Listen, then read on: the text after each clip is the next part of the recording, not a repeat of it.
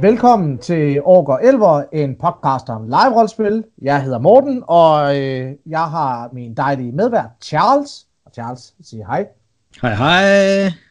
I dag er vi i gang med at prøve et nyt optageformat. Øh, så vi er lidt spændte på, hvordan lyden bliver. Så øh, hvis I hører det her nu, øh, og tænker, det lyder lidt anderledes, end det plejer, så har I fuldstændig ret. Og hvis I ikke kan høre en dyt forskel, så øh, bare vid, at øh, det er vi glade for. Øhm, og afsnittet i dag skal handle om dokumentation, og nærmere betegnet skreven dokumentation. Og hvorfor skal det det, Charles? Jamen altså, der er jo ikke nogen, øh, det skal ikke være nogen hemmelighed, at jeg har været mig en hel masse bøger.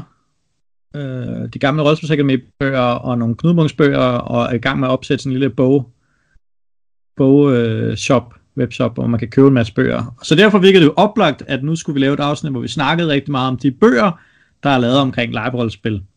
Så det er, det tror jeg sådan er, er den store sådan gemenede plan med det. Yes. Også fordi, at jeg, øh, som det illitterære menneske, jeg åbenbart er, ikke har læst en eneste af de bøger, du har listet op her. Og øh, når I om lidt hører listen, så tænker I, ah, har du ikke engang kigget i den, Morten? Og nej, det har jeg ikke. Øhm, rammen for det bliver, at vi dels kommer til at lave nogle nedslagspunkter, hvor vi snakker noget om både de typer af bøger, der er skrevet, og øh, øh, generelt får sådan en overblik over, hvad er det for bøger, der er skrevet. Øh, og så også snakker lidt om, hvad er det bøger kan? Hvorfor er det, vi skriver alle de her bøger? Øh, men det skal vi nok komme ind på. Hvis vi nu starter, Charles, med at du starter med at fortælle lidt om, hvad er det for bøger, der egentlig eksisterer derude. Så kan vi øh, tage den derfra.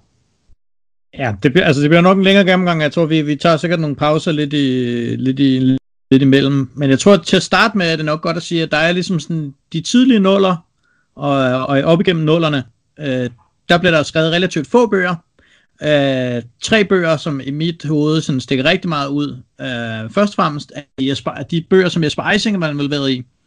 Øh, som er en række live-rollespilsbøger. Der er den, jeg tror, den første hedder bare live-rollespils håndbogen, eller sådan noget lignende i den stil. Øhm, og det var nogle ret flotte bøger, øh, med en masse lækre billeder, og øh, sådan en fed beskrivelse, sådan meget begyndervenligt om, hvordan øh, man laver sit udstyr, hvordan man laver sin rolle, hvordan man bliver klar til at spille rollespil. Um, og i virkeligheden sådan ret fede og ret meget tiltænkt et voksende publikum af folk, der er interesseret sig for rollespil, der var de super fede. Det er meget sådan fantasy-fokuseret, øh, men det var det meste rollespil også på det tidspunkt. Mm. Øh, så de er jo rigtig meget produkt af sin tid. En anden rigtig, rigtig spændende bog, der kommer ud på cirka det tidspunkt her, øh, er i 2006, der kommer der en bog, der hedder Rollespil i æstetik, pædagogisk og kulturel perspektiv, som er en bog, der er udgivet af Aarhus Universitetet. Og det er en rigtig spændende bog, fordi den kommer rent faktisk, så vidt jeg har forstået, ind på pædagogstudiet og bliver brugt i sådan en akademisk sammenhæng, hvor folk skal læse den her bog for at lære om rollespil. Den er ikke sådan det sted skrevet af, af rollespillere, eller, eller i hvert fald så er deres, altså Anne, Anne Marit Varde og, og Kjetil Sandvik, de er i hvert fald ikke sådan en etableret del af miljøet, som jeg kender. Der er ikke nogen, vi øh, og, og fra hvad jeg lige kan gætte mig til, så er det ikke nogen, der spiller sådan aktivt rollespil vildt meget. Øh, men det er dem, der har skrevet den her bog, og det er også en samling at der har, de har en masse, de har interviewet nogle forskellige rollespillere, som man måske kender, øh, om forskellige aspekter, og de har nogle studier med, og det er generelt en super spændende bog, øh, som også har nogle, øh, nogle spændende undersøgelser fra den tid, som man skriver om, hvor mange rollespillere der er, og, øh, og lidt, lidt noget i den stil. Men man prøver sådan at generelt at give et godt idé om, hvad rollespil er, og hvad det kan bruges til. Øh, ja, og det. er, specifikt, det er jo specifikt live-rollespil, fordi der er jo skrevet masser af bøger om bordrollespil. Altså på det her tidspunkt, der har Dungeons and Dragons eksisteret i evigheder, og jeg kan da huske, i der midt-90'erne, der kom øh, via Prudentia, og alle de der sådan, øh, Ask Akker og Gemles øh, rollespilsbog kom på bibliotekerne sådan i 96-97, jeg, jeg kan ikke helt huske det, sådan i det, det det, det er ikke dem, vi er interesseret i. Vi er interesseret i bøger, der decideret, decideret fokuserer på live-rollespil. Bare lige for at, at skære det sådan helt, helt tydeligt ud i pap. Ja, helt klart. Ja. Og jeg tror lige præcis, at den her bog her har lidt, har lidt et overlap. Mm. Øhm, men, det, men det er rigtigt, det er godt lige at få det sagt. Jeg tror, jeg skal prøve at sige til at starte med, at det, det er live-rollespilsbøger, vi snakker om. Fordi Dungeons Dragons bøger og bøger, der er skrevet endelig mange af, øh, og, og dem har jeg slet ikke så godt styr på. Øh, hvor det, jeg har interesseret mig rigtig meget i, er labrespilsbøger. Øh, og jeg har prøvet at snakke om det før, jeg har blandt andet snakket om Knudbunksbøgerne, som vi selvfølgelig også kommer til at nævne. øh, men ja, så en anden ting, der også sker i nålerne, er, at der bliver skrevet de her verdensbøger, som er universbøger, for eksempel en af de mere kendte, som nogen kender, det er Celesco, som er Celesco-verden, som er sådan, jeg tror det var, åh, oh, jeg kan huske, hvad det er for en scenarieserie, mm, fordi jeg faktisk ikke, ikke var særlig aktiv, da den, måske er det gennem tid, eller sådan noget, eller gennem verden, jeg, jeg kan huske, et eller andet sådan relativt, at, at tiden genetisk øh, scenarie og det faktisk sikkert flæk af folk for at sige, som har været med til de scenarier, men Celesco-verdenen er i hvert fald en verden, hvor at, øh, at der er de her forskellige øh, raser og befolkningsgrupper og alt muligt mærkeligt med, som er beskrevet i bogen. Øh, jeg tror, der er, meget, sådan, der er meget lidt regler, og rigtig meget sådan her fungerer vores rollespilsverden. Kommer spil i den, ligesom man har Nirham-verdenen, øh, så har man så også Celesco-verdenen, som der bliver udgivet en bog omkring. Mm. Øh, der er, øh, er Jagtvælt-bogen, som øh, som stadig bliver solgt på, øh, hvis man kommer ud til Rødselspringens hvor de har en, en verdensbog for deres arrangementer. Og der er sikkert lignende bøger derude, øh, som er skrevet enten relativt nye bøger, eller som er skrevet siden af, som er sådan en verdensbog. Jeg tror blandt andet politikens bog om rollespil har rigtig meget fokus på Bardas rollespilsverden, og den, øh, den øh, spilmester Martin, som, som har været med til at, at skrive bogen her, som, Øh, ja, det var sammen med hans bror, øh, Anders, Anders, det var Anders og Martin Rav, de to brødre, der skrev det. Men jeg tror aldrig, den, den slog aldrig igennem på det tidspunkt. Der var både et bordrollespil og et live-rollespilsverden, så sådan var sammenhængende der. Øh, men ja. Bare lige for at slå det fast, altså at de her bøger, er det så, det, det er både færdige universer, men også færdige regelsæt. Altså det er, øh, når du siger universverden, eller universer eller verdensbøger, så, så, så er det tanken, man køber sådan en, og så, så er man kørende. Altså fokuset lige for de her bøger her, er først og fremmest, at der er et univers, som man kan være i. Øh, og de er, lidt, de er lidt tænkt som sådan et tilkøb til folk, der allerede er interesseret i den verden, og som allerede spiller i den verden, som vil have noget ekstra. Øh, lidt ligesom folk, der vil gå ind, og øh, som har spillet i Harskoven og spiller i Nierham-verden, og så vil de have noget mere materiale om det. Øh, jeg tror også, der fremgår i nogle af bøgerne nogle, nogle sådan basisregler, som man rent faktisk bare kan bruge bogen og samle op og spille. Øh, og det er der men, men jeg, er ikke, jeg er ikke sådan lige, jeg har ikke lige nærstuderet dem op til det her, øh, til det her oplæg her. Det, det er heller ikke sådan dem, jeg synes er super spændende, de der verdensbøger, men det er mere for at sige, at det er her, hvor vi starter. Det er ja. tilbage i, Jesper som er sådan generelt, det her det at være rollespil, er meget, meget, meget, meget begyndervenligt og bredt. Går vi over i de her verdensbøger, som er øh, folk, der tager deres verdener og skriver dem ned. Grundlæggende noget, som vi jo allerede har gjort, og lægger rigtig mange hjemmesider, hvor der ligger rigtig meget skrevet materiale om alle mulige rollespilsuniverser. Men der er nogle gange, der så rent faktisk kom til bogformat, hvilket jeg synes var spændende at nævne, og som mm. øh, er del af den, den tanke, der er her. Øhm, men så begynder, der, så begynder der at ske noget rigtig spændende, fordi så begynder der at komme bøger, øh, som blandt andet den, der hedder Arrangørtips, øh, og senere nu her, som vi har nok også nævnt tidligere, den mere, mere moderne udgave, den samme bog, men sådan, den bog, der hedder Sådan arrangerer vi rollespil, eller Sådan arrangerer du rollespil, som er arrangørtipsbøger bøger med, med, med sådan råd til, hvordan man laver rollespil, hvordan man arrangerer rollespil, og hvordan vi får bredt form ud, og, hvordan, og den er sådan skrevet til deciderede skaber, og ikke bare til, øh, til deltagere, eller til interesserede, eller til akademikere. Øhm, og det er derfor, jeg synes, det, de, de var spændende at nævne. Øhm, relativt ny bog også den her om Edulab, der hedder Imagine This, som er sådan en uddannelsesrådspilbog, som hvis sådan umiddelbart lige kunne finde ud af, er muligvis den eneste bog, som sådan specifikt handler om Edulab og den handler stadig kun om forretningsorienteret business Lab. Så det er stadig sådan en, en bestemt sektion for Lab, som stadig vil folk, der er interesseret i det, ikke synes, den er relevant. Um, så det er mere for at sige, at der, der, der, begynd, der begynder op i, i løbet af, af, af tierne her, i det her 10, begynder der at komme mange flere, meget mere forskellige bøger. Uh, både om, hvordan man laver rollespil, og hvordan man laver specifikke rollespil. Uh, og selvfølgelig rigtig, rigtig kendt og sådan med etableret af, af knudepunktsbøgerne. Men det, igen, det vil jeg gemme til lidt senere, så vi kan tage hele den for sig selv.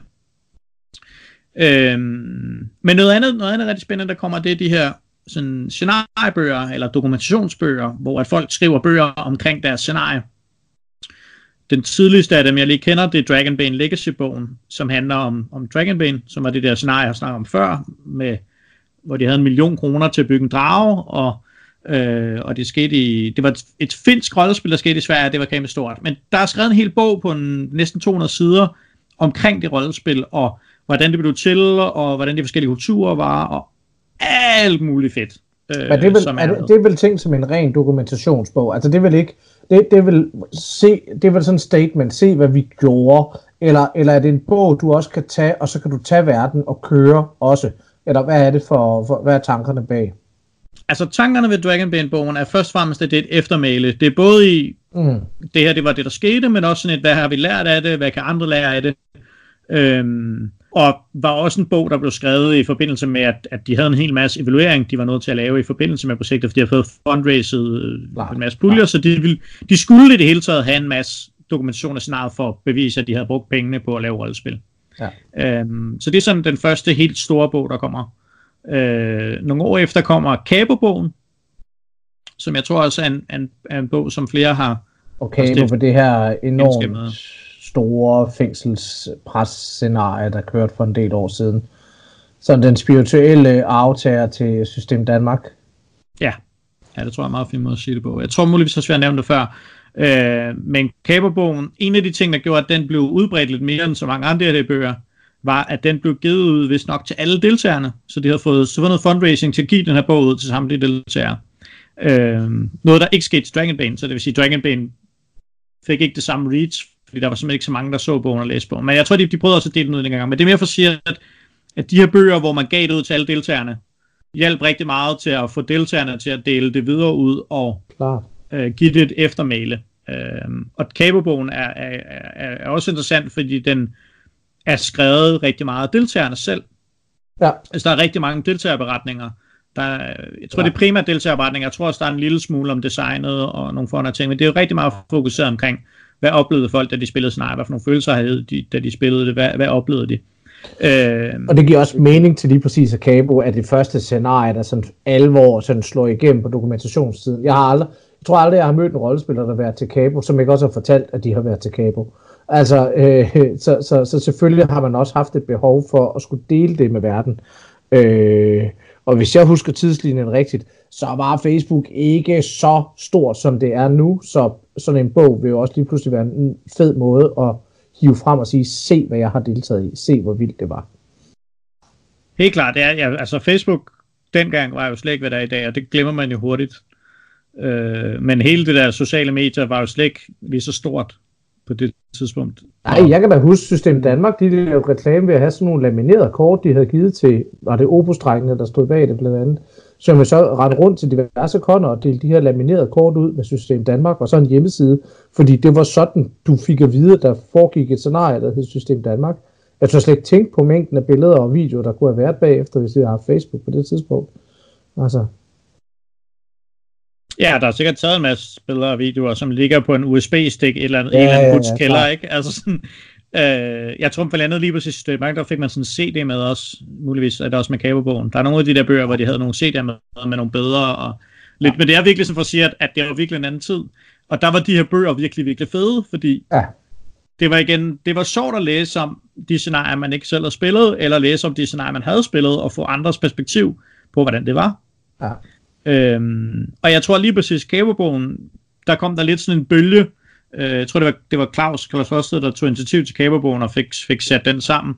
Øhm, og der kom sådan en bølge af, at der var en del andre scenarier, som også blev som der også blev skrevet en deltager bygget bog omkring både den hvide krig og morgenrøde, som var nogle scenarier, der skete øh, i, i, i årene efter, øh, som også havde sådan en spillerbygget, spillerdrevet bog om scenariet øh, som jeg tror var, øh, var, var et fedt format, fordi man både fik investeret deltagerne i, og de bidrag til bogen, og man fik også deltagernes beretninger af, hvad der var sket. Øhm, ja. Og, øh, og det var igen, altså dengang var der ikke så mange reruns, det var sådan rimelig, rimelig sjældent, at der var et rerun-scenarie, det var ikke noget, man gjorde sig af. Så der var ikke ideen om, at man bare kunne sætte kaber op igen og spille det, det var ikke rigtig sådan noget, der skete, så det var, det var, det var sjovt at høre om andre scenarier, fordi det var en eneste måde, du kunne genopleve det på. Øh, og der var ikke hele det der Facebook ja, det var der så måske mere og mere, ikke? Kom ja, ja. mere. Det var der lidt af, men, men, men det var ligesom om, at, at det var fedt at have de her legacy-bøger, som, øh, som skaffede sådan en, en, en, havde en, en, en fastgroet historie omkring det. Som også noget af det, som jeg rigtig gerne vil snakke om med de her bøger, det er, at, at, at ting, der bliver skrevet på Facebook, forsvinder. Ja. Ting, der bliver skrevet i de her bøger, de forsvinder ikke. Og bøgerne, de bliver ved med at dukke op igen og igen og igen. Øh, så de har, de har en vis form for sådan længde i sig, og, og en vis form for, øh, de skaber et vis form for fundament af, hvad det er for en historie, som vi husker omkring, hvad der skete tilbage i nullerne for eksempel. Jeg tror, der er sket rigtig mange ting i rollespil i nullerne, og noget husker man. Ja. Men rigtig meget af det, der står i de bøger, som blev skrevet dengang, og det har bare vildt stor betydning for, hvem hvad er, der beslutter, hvad det er for en historie, der bliver fortalt, og hvad det er, vi husker. Og det, det, kan vi, det, det kan vi godt snakke om nu, fordi jeg synes da, øh, fordi det er også blevet, der, der er fandme gået meget mode i at skrive rollespilsbøger, eller skrive bøger generelt. Du kan jo nærmest, altså en hver, der kan finde ud af at, at, at, at gå, gå igennem øh, Nanovrimo øh, øh, der, november måned og få skrevet de der, jeg kan ikke huske, at det er 50.000 ord på en måned eller sådan en stil, kan, kan, kan jo øh, få selvudgivet en bog inde på saxo.dk øh, for, for et beskedet beløb, og så har man den som en, en selvudgivet e-bog. Jeg kan jo se på LinkedIn, hvor mange, der, der lige skriver en bog på 100, 100 sider om et eller andet ligegyldigt marketingstunt, og så får dem udgivet. Altså, så, så hele den der øh, soliditet og det der lidt, øh, lidt bundsolid islet, som du lidt siger, bøger har, er jo også ved at blive sådan undergravet i kraft af, at alle kan jo fandme skrive en bog nu og få dem udgivet. Og du kan også få den trygt. Altså, det er jo ikke engang super dyrt længere. Hvis du ikke gider den trygt i Danmark, så kan du bare sende det til Polen, og så får du det vildt billigt. Øh, så, så der er også, der, der, altså jeg tror også, det er en, grund, en af grundene til, at vi ser så mange bøger, der bliver udgivet lige nu, er også, at nogle gange er det bare blevet for nemt på en eller anden måde. Og jeg ved ikke helt, øh, jeg tror i hvert fald, der hurtigt kan blive skabt sådan et A- og B-hold af, hvad en god bog er, øh, når, også når det kommer til rollespilsbøger. Altså helt klart, du har, du har jo ret i, at, at, at bøger har ikke, det samme, har ikke det samme fundament i dag, som de havde for 10 år siden. Men jeg tror, at samme årsag, så tror jeg, at de få rollespilsbøger, der blev lavet tilbage i nullerne, Ja, ja, ja, klart. Har en del mere vægt, fordi hvis, man, hvis, du, hvis du sidder nysgerrig som, som studerende på Københavns Universitet eller, eller på Aalborg Universitet og tænker, jeg vil gerne prøve at undersøge, hvad der er sket i rollespilsmiljøet, så vil du, så vil du kigge lidt tilbage og se, okay, hvad skete der så i 2000, og, hvad skete der igennem nullerne? Mm. Og så er der bare relativt få bøger, ikke? Øhm, og på trods af, at, der bliver, at det er nemt at lave, lave rigtig mange bøger, så er der stadig relativt få bøger. Ja. Altså, jo, der er mange knudepunktsbøger, men så mange er der heller ikke. Altså sådan, Øh... Og hvis jeg skal undergrave mit eget argument, så vil jeg også påstå, at forskellen på at lave øh, en, nu kalder det en dokumentation på Facebook, øh, du ved, øh, øh et pænt, øh, at man er, som arrangøren skriver man lige et, et langt opslag, lægger nogle fede billeder op, og så er man sådan selvfed lige de der 10 dage, øh, det opslag, det lige laver, øh, så tror jeg også, man går mentalt igennem en anden proces, når man skal skrive en bog, end når man for eksempel skal lave nu kalder det bare lige Facebook-dokumentationen, show me-dokumentationen. Jeg tror, man mentalt sætter sig ned og skal skrive noget, der, der, der hænger sammen på en anden måde.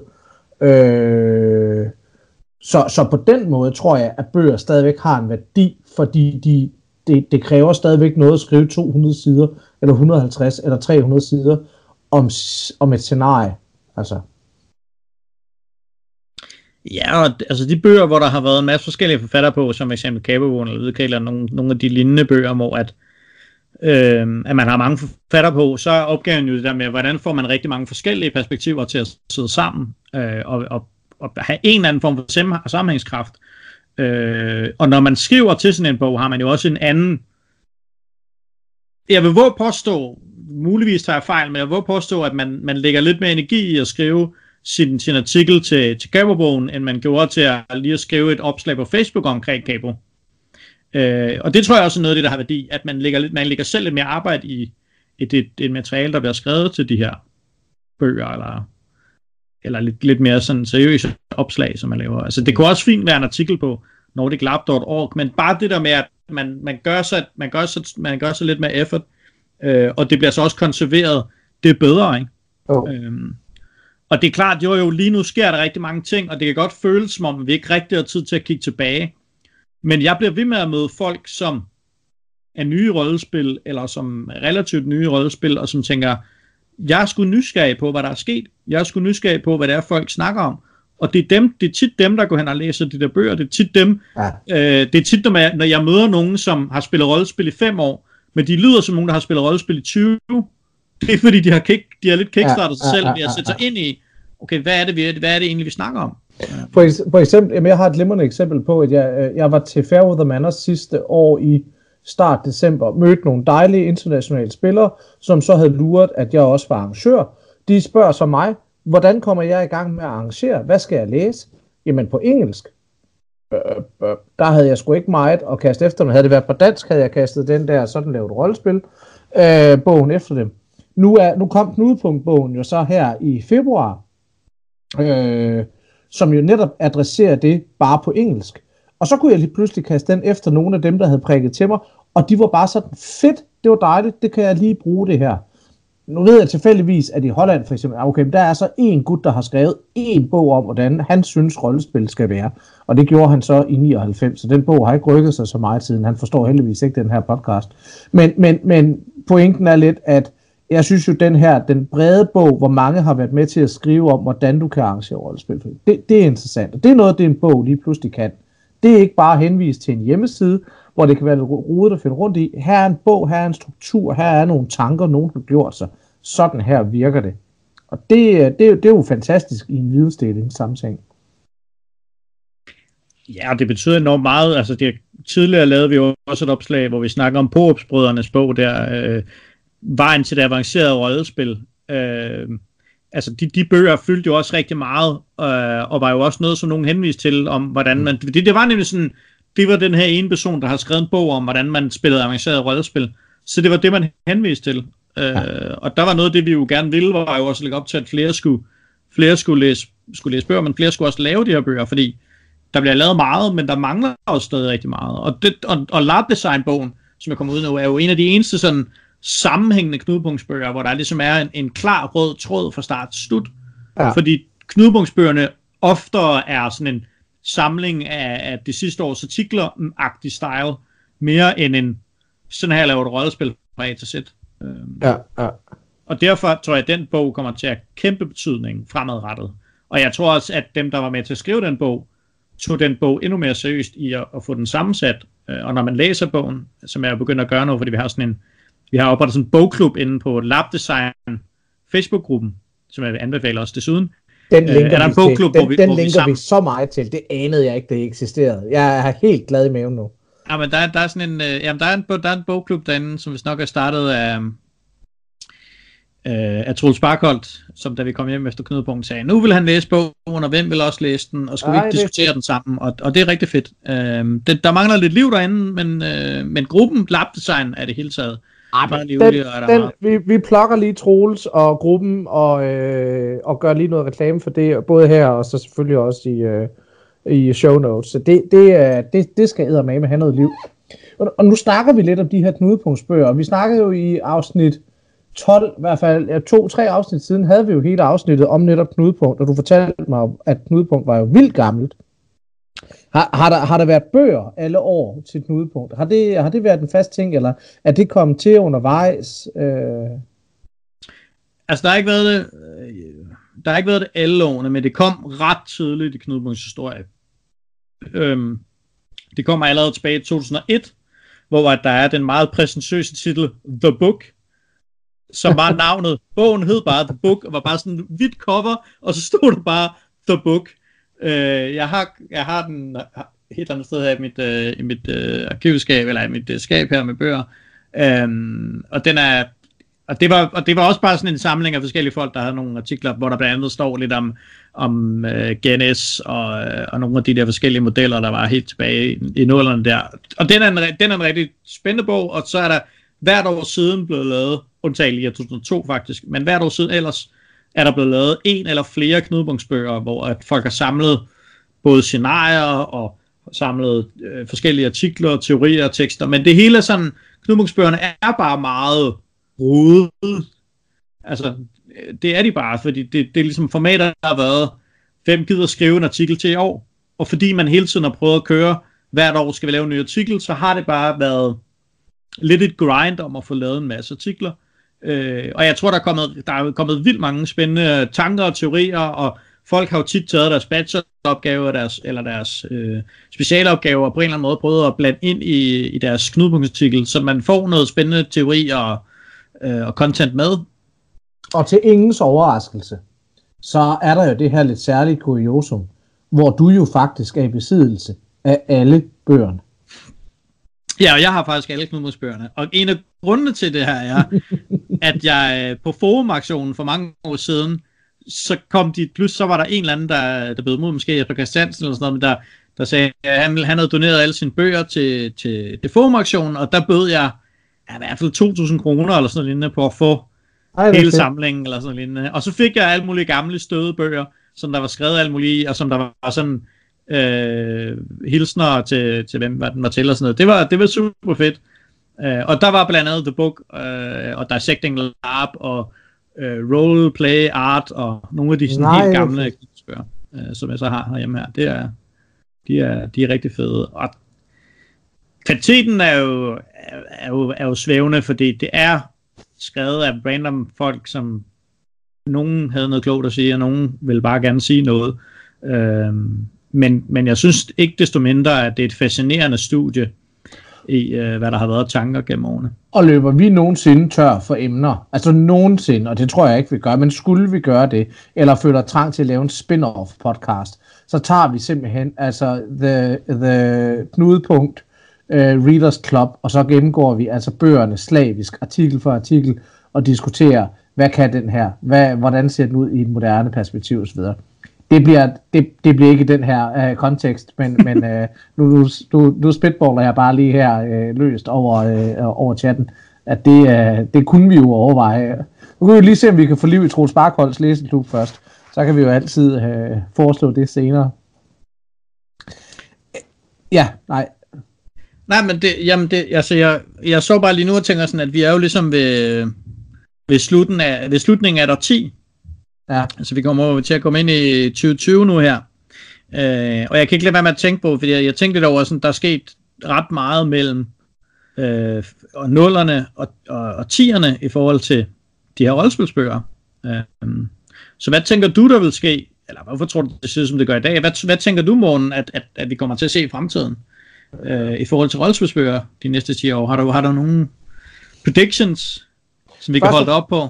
Ja, Ja, det, det tror jeg sådan set. Altså man kan sige, der er i hvert fald sådan en, en øh, der, er, der, der er en generel tendens, som det her med øh, at, at dokumentisere, dokumentisere sin egen tilstedeværelse, som jo er den samme, der gør, at for eksempel du og jeg har en podcast, og der er folk, der lytter til den. Øh, alle har en podcast, alle har en YouTube-kanal, alle har et eller andet øh, øh, masser af bøger, der bliver udgivet på selvudgivende ud, forlag og død, død, død, så, så, sådan noget af den stil. Det er jo en måde at ligesom sige, vi er her på. Og efterhånden, som vi blev et mere og mere etableret øh, miljø, var behovet også for at blive ved med at sige, vi er her. Og, og der er bøger bare en, en skide legitim måde at gøre det på, og som folk kender det. Altså det er et format, folk kender.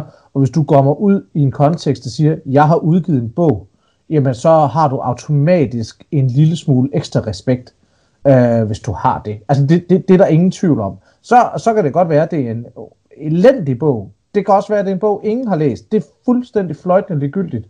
Du har vist, at du har vidst noget nok om et emne til at sætte dig ned og skrive en bog om det.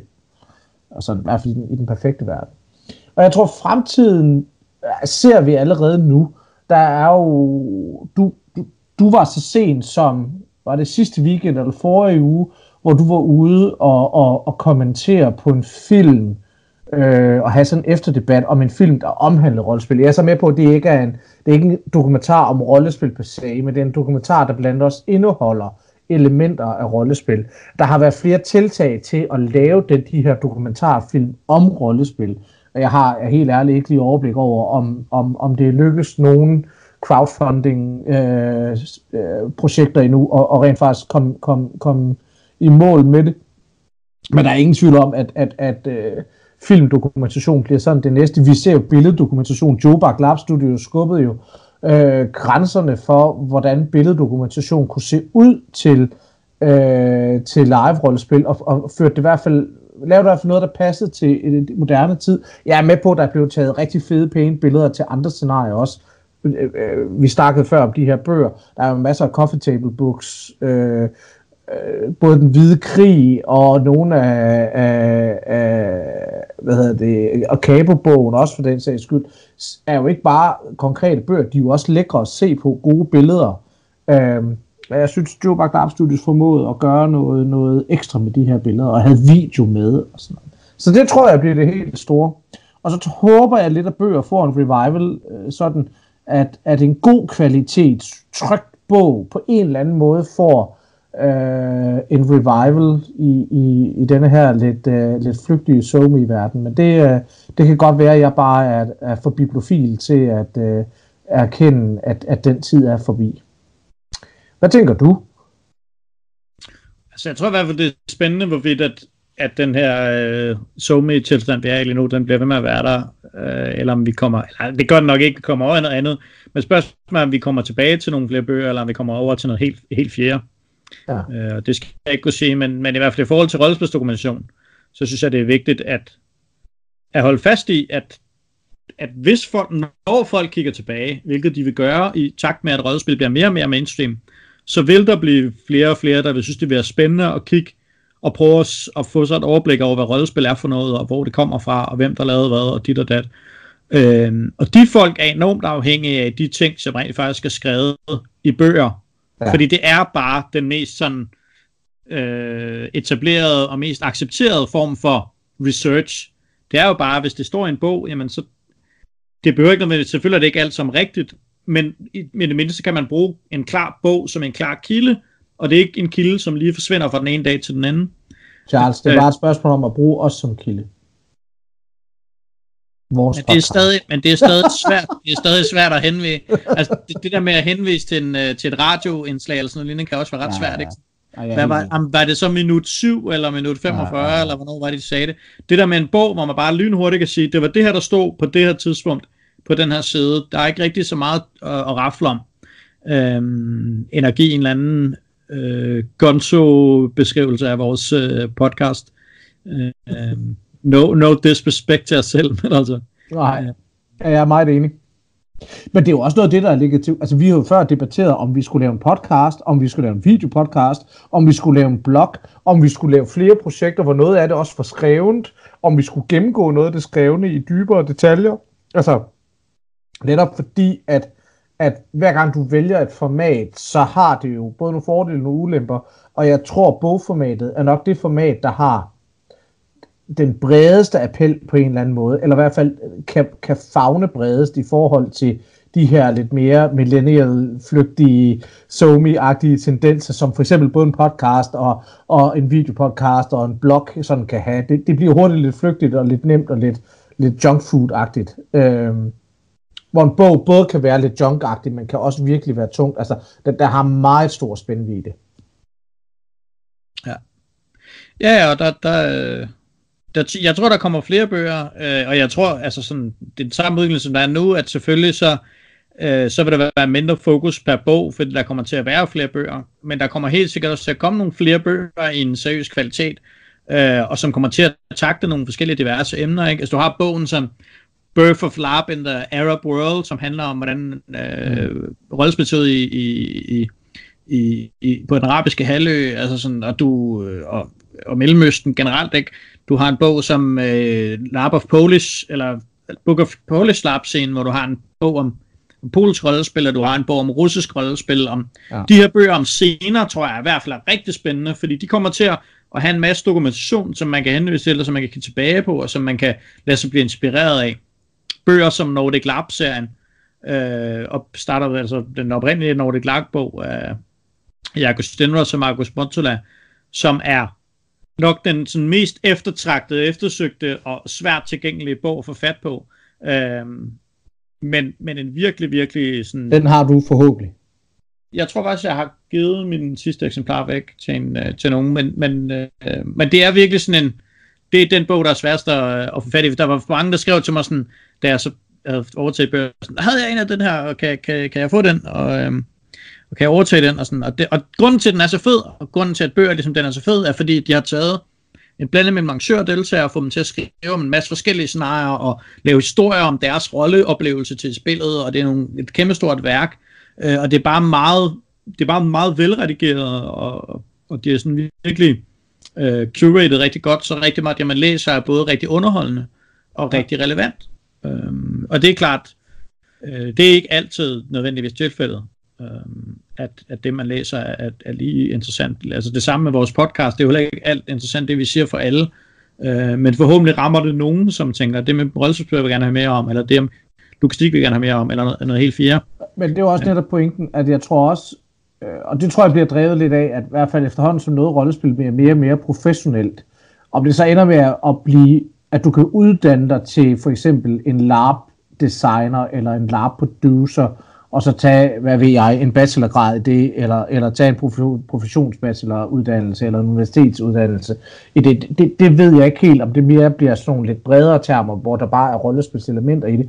Men uagtet hvad, så, så tror jeg da ikke, der går mange år før, at i stedet for, at vi så har en podcast med sine Hertel, der så snakker om special design, at så bliver der udgivet en bog om special design i LARP-kontekst, eller blive udgivet en bog om logistik i LARP-kontekst. Øh, altså at der begynder at være, være, være traction nok til, øh, og, og interesse nok til, at man, du kan lave de her helt specifikke fagbøger på en eller anden måde i en LARP-kontekst. Og du vil formodentlig godt kunne gøre det nu, øh, men der, der vil jeg så måske lave den tese at sige, at der tror jeg ikke helt, vi har fundamentet nok til øh, at kunne lave det dybtgående. Eller altså, det vil i hvert fald være en bog, der nok skulle revises om et par år, allerede, hvor man måske om et par år netop vil kunne skrive en mere grundig bog om emnet efterhånden, som vi får mere og mere professionel erfaring. Så jeg tror i hvert fald, at den her professionalisering af rollespil kommer til at drive noget af det. Ja, det vil godt nok være spændende. Ja, og, og der tror jeg også lige præcis, at, at den her lab design bog er på en eller anden måde et... Øh, First step. Et, et moment i, mm. øh, i, i, i, et nyt, i et ny, en ny epoke på en eller anden måde, ikke? fordi der er ja. lavet lignende bøger, men det er virkelig en bog, som er lækker og velskrevet og velopsat, øh, og som åbner op for, at man kan skrive en hel bog om hver enkelt kapitel, ikke? Øh, jo, helt jo, klart. Jo. Øhm. jo, jo, jo, og efterhånden som vi akkumulerer mere viden, altså det er jo ikke, jeg er da med på, at øh, både Jonas Trier og Søren Ebbehøj og, og Signe Hertel, nu bruger jeg lige dem, fordi vi lige havde dem med inden for ikke så lang tid siden, men, men eller vi havde Signe i hvert fald inde og snakke special design for ikke lang tid siden. De laver det professionelt, og de gør det i alle mulige andre kontekster. Men der går der ikke lang tid før, de for eksempel har stof og erfaring nok både fra dem selv og fra andre, til at kunne skrive en, en, en fuld bog om lige præcis det emne. Det ville da være vildt spændende. Hvad med det akademiske? Fordi vi, vi havde på den liste, vi nævnte før, der havde vi ligesom kun én dansk akademisk bogudgivelse. Jeg er med på, at der eksisterer formodentlig en del bacheloropgaver, der eksisterer formodentlig en del, øh, øh, hvad hedder så noget, øh, øh, speciale opgaver, måske nogle phd øh, udgivelser eller lignende, men altså, hvor, hvor øh, har vi nogen fornemmelse af, du snakker tit om, at i Finland, der laver de rigtig meget akademisk forskning omkring det her. Er der nogle bøger deroppe? Ved vi noget om det? Øh, altså, der er jo nogen tvivl om, at de, de er ret meget på forfronten med, med den akademiske på, i Finland. Jeg ved ikke lige præcis, hvad, hvad der er for nogle bøger, men der er i hvert fald nogle forskellige rapporter, og der er sikkert også nogle bøger på finsk, måske nogle, der kunne være oversat til engelsk, ja. øh, som kunne være spændende at tage fat i. Det har jeg ikke, jeg har ikke sådan gået, gået dybere i det. Oh, nej. Øh, men der er ikke nogen tvivl om, at, at, at der, er noget, der er noget spændende der. Det er jo fordi, de, de har bare mere rollespil på deres universiteter, og deres game design linje har de rollespillere til at undervise i game design, og altså de er altid et andet sted på den akademiske front, end vi er herhjemme, hvor at vi har nogle, nogle, nogle rollespillere, som er akademikere herhjemme, som sidder på nogle, på nogle, på nogle pladser med lidt ind, med noget indflydelse. Øh, men der er relativt få af dem, og der tror jeg bare i Finland, at, at, at, at det netværk noget større. Men jeg tror, det er helt klart noget, der kommer til at ændre sig, fordi vi har en kæmpe generation, flere generationer af rollespillere, der bygger op, og flere og flere af dem vil jo få nogle af de her pladser på universiteterne, og vil have indflydelse forskellige steder, hvor de sidder som lektorer, eller sidder som undervisere, eller sidder som øh, som administrative medarbejdere kan være med til at, at rykke en agenda om, at der skal være noget mere rødespil øh, ja. på universiteterne, enten i forhold til at der skal være et helt undervisningsforløb omkring det, eller hvad det nu måtte være. Ikke? Jo. Øhm, og det tror jeg kun, der vil komme mere af, som at der kommer flere rollespillere på universiteterne. Mm. Øh, det tror jeg er en helt naturlig udvikling, ligesom alle de andre ting sker i, i takt med, at der kommer flere, der synes, ja. rollespil er spændende. Det bliver bare større og nemmere. Men ja. det er klart, de her ting kommer ikke af sig selv. En del af det skal jo også ske af, at, at de folk, der så kommer ud, vælger som for eksempel sine og, og tager sit og tager sit værv og siger, jeg vil gerne fastholde mit værv og bruge det ja. i en rollespilskontekst. Ja. Øhm, så, så det håber jeg, at jer, der er derude, som har et eller andet, har et eller andet værv, øh, og som har en eller anden form for, for scene i noget andet, eller en af professionelle kompetence, som I kan tænke ind i rollespilsammenhæng, at I dokumenterer den, så det kan komme andre til gode. Det ville jo være mega fedt. Ja, det er vel i virkeligheden det fineste, vi kan, vi kan komme ud af det her afsnit med. Det er vel sådan en opfordring. Øhm, og så håber, at nogen lytter derude. Fordi jeg tror i hvert fald godt, hvis vi sådan skal runde lidt op, at alle de bøger, vi har nævnt her, og formodentlig også alle dem, vi har glemt, øhm, det er jo det, de gør godt. De er ikke bare et statement, der siger, at vi har været der. De er også et statement, der siger, at vi har været der. Lær af os. Og det er vel i virkeligheden det, vi allerhelst gerne vil blive ved med at gøre. Vi vil gerne blive ved med at lære øh, af dem, der er gået forud for os, uden at det skal sådan blive helt højstemt. Og for at få det ned på god jysk jord igen, så er vi jo at finde på festival i næste uge. Eller det vil sige, Charles er at finde på festival i næste uge. Og der har du interview både Frederik Højer og Morten Tillesen om Fladlandssagaen og sådan en generel snak om sådan en klassisk live-rollespil i skoven. Øhm, og det glæder mig vildt meget til. Hvad, hvad, hvad har du af tanker sådan øh, her og nu, Charles, omkring øh, det interview? Øh, altså jeg kan først om sige, at jeg kommer til at være med på hele festivalen. Jeg kommer allerede mandag med til opsætningen. Så folk, der, der vil snakke podcast, skal være mere end velkommen til at tage fat i mig. Mm. Øh, det håber jeg da kun, at, at nogen vil gøre. Øh, i forhold til interviewet der, så har vi ikke snakket så meget om det, men, men hele min tanke har været, at øh, vi startede med at tænke sådan meget i festival, som jeg kan sige i forhold til festival, og så kommer jeg frem til, at der kommer til at være en hel dag med podcasts, ja. øh, fordi der kommer til at være sådan en podcast kavalkade, øh, hvor der er masser af andre rollespilspodcasts. Så tænker jeg, at der er rigtig mange af dem, der sikkert kommer til at snakke rigtig meget om festival. Så jeg tænkte, at vi skulle snakke om noget, noget andet, en festival, som måske er lidt mere live-rollespilsagtigt. Og så tænker jeg, Fladlandsagaen ligger lige ved siden af der, hvor festival er, øh, i Østerskovs øh, by der. Øh, så det synes jeg var oplagt at snakke om det. Øh, og jeg synes, Frederik og Morten er super dejlige og super hyggelige mennesker. Øh, så jeg tror, vi kunne få rigtig, rigtig god tid ud af at snakke lidt om, om hvad er Fladlandsagaen, og hvad er der af fantasy-rollespillere. Måske kan de fortælle lidt mere om, hvad der sker i Jylland, som jeg ikke ved noget om, fordi jeg bor i København. Øh, og jeg er sådan en ignorant øh, storbysnop øh, så kan de sikkert fortælle mig et eller andet spændende. Uh, det håber jeg da i hvert fald, de kan. Uh, og fortælle lidt om, de, noget det, de nævnte var blandt andet, de har ikke orker, og de har ikke elver uh, i Fladlandssagen, og det kan vi jo høre lidt om, hvad det er for noget. Jeg glæder hvorfor, mig til at høre Morten og Frederikke lære dig om Jylland og jysk rollespil. Det vil jeg altså... Uh, ja, jeg er der desværre ikke. Jeg er i Holland, uh, og det bliver ikke lige uh, festival, jeg når hjem til. Men øh, man kan i hvert fald opleve jer live, og øh, vi kender ikke lige helt det tekniske format endnu, men planen er, at det også bliver optaget, øh, optaget og vi får det øh, lagt ud også. Men hvis vi vil være 1000% sikker, så synes jeg bestemt, at man skal finde, øh, finde os på, øh, på festival, og så øh, komme hen og fortælle Charles, øh, hvor fede I synes, vi er. Det er altid dejligt. Ja, det starter fredag kl. 15, 15 tror jeg, eller 15.30 i ja. caféen. Ja. Så det er, det er det, man skal vide, altså fredag, ikke, ikke nu på fredag, men i næste uge, hvor det er første ja. Ah, og vi skal nok, vi, vi blokker det. Vi laver, en masse, vi laver en masse larm, men, men, ja. men nu siger jeg det bare lige. Yes. Fedt. Jamen, øh, Charles, jeg tror, sgu, øh, jeg tror, vi har været igennem det, vi skulle igennem for i dag. Ja, så fedt. Ja. Jamen, så siger vi tak for den her gang. Hej. Hej.